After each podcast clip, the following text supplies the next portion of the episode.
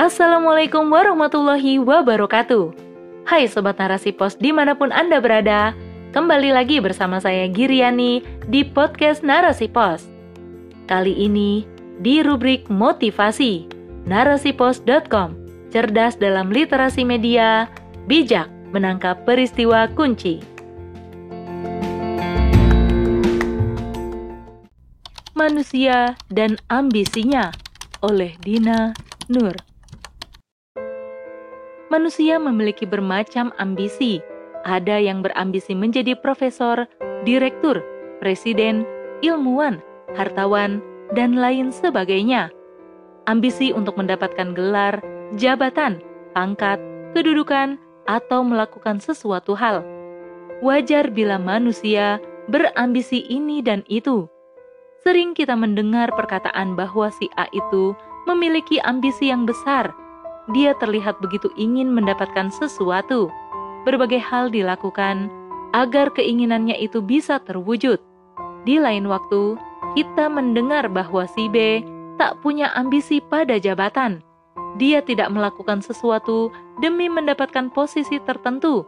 Dia tampak tulus membantu, tidak ada pamrih atau sesuatu yang dikejar dari perbuatannya tersebut. Lain lagi si C yang dikatakan bahwa ia kurang berambisi sehingga kurang bersemangat dan giat dalam melakukan sesuatu. Ada juga yang mengatakan bahwa dirinya hanya mengalir saja, tidak ngoyo, tidak juga bersantai-santai ria. Manusia hidup pasti mempunyai keinginan terhadap sesuatu. Ada hal yang dituju oleh setiap orang sesuai dengan keinginannya masing-masing. Bisa dikatakan bahwa ambisi itu bermuara pada sesuatu tujuan tertentu yang ingin diraih. Dalam Kamus Besar Bahasa Indonesia, ambisi berarti keinginan atau hasrat, nafsu yang besar untuk menjadi atau memperoleh, mencapai sesuatu, seperti pangkat, kedudukan, atau melakukan sesuatu. Ambisi juga menjadi sebuah cita-cita atau mimpi yang hendak diwujudkan. Ada letupan semangat di dalamnya yang membuat orang terpacu pada sesuatu. Untuk bisa mewujudkan keinginan, tentu memerlukan upaya yang nyata, bukan sekadar mau atau ingin saja, tetapi tidak ada tindakan apa-apa. Tak ada perencanaan, apalagi langkah-langkah yang dilakukan untuk tujuan itu. Sama juga bohong namanya. Kalau cuma berangan-angan saja, tentu tak akan ada hasilnya. Ambisi dan usaha untuk meraihnya juga harus melihat dan mempertimbangkan kemampuannya. Jangan sampai berambisi besar, tapi kemampuannya tidak ada. Begitu ngototnya ingin pindah rumah dan membuat rumah baru, tapi dananya tidak ada. Demi memenuhi hasrat pindah rumah di tempat yang baru, dia harus meminjam pada orang lain. Dia membeli tanah untuk rumah barunya dengan dana utangan. Padahal di rumah yang lama, utangnya juga sudah banyak. Maka, kian menumpuk sajalah utangnya. Jadi, boleh berambisi, asalkan punya kemampuan dan kemauan untuk berusaha. Jangan hanya duduk manis tanpa ada ikhtiar dijalankan, terus mengharap keinginannya terwujud. Ambisi besar membutuhkan upaya yang besar pula. Semakin tinggi mimpi, semakin tinggi pula pengorbanan dan perjuangannya. Kemampuan dan kemauan menjadi modal seseorang untuk mewujudkan ambisinya jika ingin berhasil, tentu harus mau berusaha, bersusah payah, bahkan sampai menerjang bahaya demi menggenggam apa yang diidamkan. Rela bergadang, memutar otak, dan memeras keringat untuk membuat perencanaan, melakukan langkah-langkah nyata dan terukur dari rencana tersebut agar semakin mendekati keberhasilan dan mengurangi kemungkinan gagal. Sudah bersiap dengan segala resiko, yang pasti mengadang jalannya dalam perjalanannya mewujudkan keinginannya. Tidak cukup sampai di situ. Ambisi, cita-cita, impian, tujuan, dan apa pun namanya harus dalam paradigma yang jelas dan benar. Begitu pula dengan upaya untuk meraihnya, juga haruslah tepat dan benar. Ambisi tidak boleh dibiarkan begitu saja, sebab bisa menjadi liar. Ia harus ditata dan dikendalikan. Bayangkan betapa semrawutnya dunia dengan ambisi manusia yang begitu banyaknya dan berjalan tanpa ada kendali, pasti akan terjadi pertentangan dan pertikaian demi mempertahankan ambisinya masing-masing. Ambisi meraih jabatan dengan menghalalkan segala cara, menyuap, berbohong, korupsi, merampas hak orang lain, dan perbuatan melanggar hukum lainnya menjadi hal yang biasa. Tujuannya memang jelas untuk mendapatkan kekuasaan. Namun, apakah itu baik? Apakah cara-cara curang seperti itu dibenarkan? Benar di sini tentu bukan berdasar pemikiran manusia. Baik atau buruk tidak ditentukan oleh masing-masing kepala. Sebagai manusia yang beriman, kebenaran adalah apa yang datang dari Allah Subhanahu wa taala saja. Kebenaran hanya ada dalam syariatnya. Kebaikan itu adalah segala sesuatu yang sesuai dengan perintah Sang Holik, sedangkan keburukan adalah semua yang bertentangan dengan aturannya. Karena itulah, manusia dengan ambisinya harus mengikuti rambu-rambu yang benar agar tak berjalan sendiri hingga kebablasan. Ambisi ditata dan dikendalikan oleh aturan yang berasal dari Allah Ta'ala. Ambisi yang benar adalah yang sesuai dengan koridor syara. Ambisi seperti inilah yang akan mendapatkan berkah darinya, sebagaimana yang difirmankan dalam surah Al-Baqarah ayat 53 dan aku tidak membebaskan diriku dari kesalahan, karena sesungguhnya nafsu itu selalu memerintahkan pada kejahatan, kecuali nafsu yang diberi rahmat oleh Robku.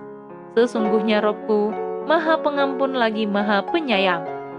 Sebaliknya, ambisi-ambisi yang lahir dari akidah sekuler tentulah jauh dari rahmat Allah. Tersebab dari dasarnya saja, sudah menyimpang dari apa yang Allah perintahkan. Apa saja yang melanggar syariat Allah, selamanya tidak akan pernah mendatangkan kebaikan. Ia akan selalu berakhir dalam kehancuran yang membinasakan.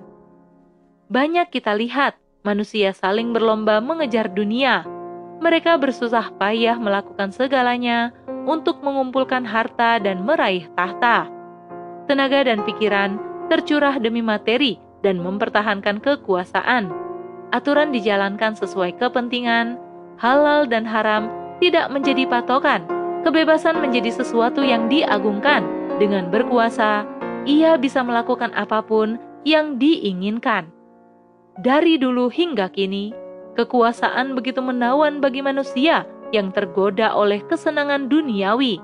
Menjadikan kekuasaan sebagai ambisi sangatlah berbahaya karena bisa membangkitkan sifat-sifat buruk yang terpendam.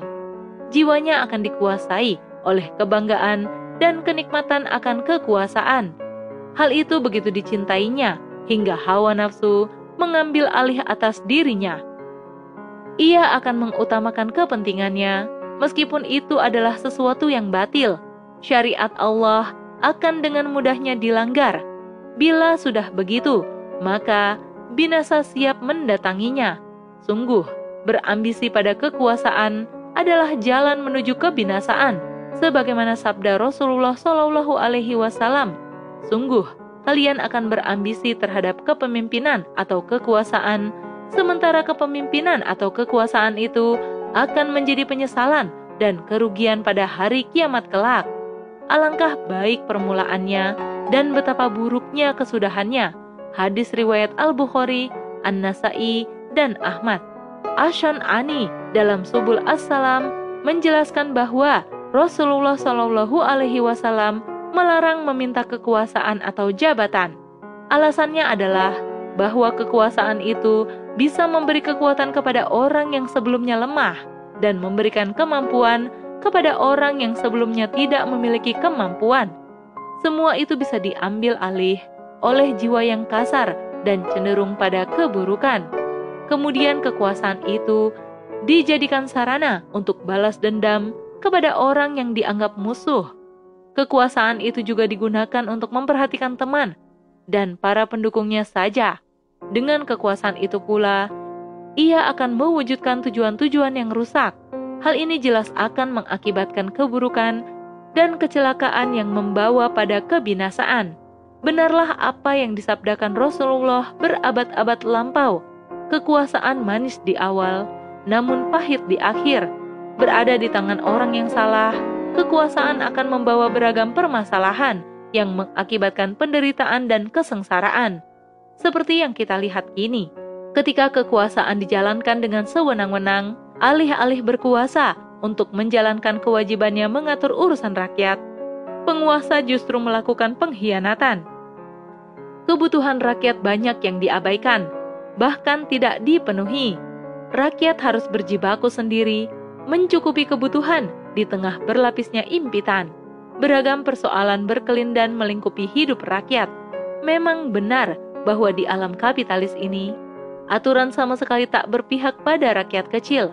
Kekuasaan ada untuk mengabdi pada mereka yang mempunyai modal. Kekuatan modal mendominasi kekuasaan, mengarahkannya sesuai kepentingan pemodal. Pantaslah bila kombinasi keduanya dalam sistem yang rakus ini mampu menghisap darah rakyat jelata. Rakyat hanya akan menjadi objek penderitaan yang tiada akhir. Nikmat kekuasaan begitu lezat bagi jiwa yang terpenjara dunia. Tak ingin sedetik pun ia kehilangannya ia melakukan segala cara guna menjaga dan mempertahankan kekuasaan yang digenggamnya. Meskipun sebenarnya tak mampu, namun ia memaksakan diri demi tetap berkuasa. Akibatnya, rakyat yang berada dalam tanggung jawabnya menjadi sengsara. Inilah akibat dari ambisi yang tidak diikat dengan tali agama. Ia berkelana sendiri, tak tentu arah, hingga tersesat dan menyesatkan manusianya betapa buruknya keadaan bila jauh dari aturannya. Kesusahan bukan hanya di dunia, tetapi juga kelak di akhirat sana.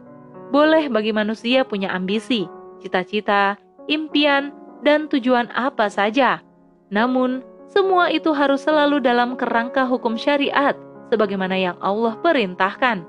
Silahkan berkeinginan apa pun, namun harus diingat bahwa apa yang kita lakukan di dunia pasti ada konsekuensinya. Manusia hidup adalah untuk beribadah kepada Allah Ta'ala. Muara perbuatan hamba adalah demi mendapatkan ridhonya.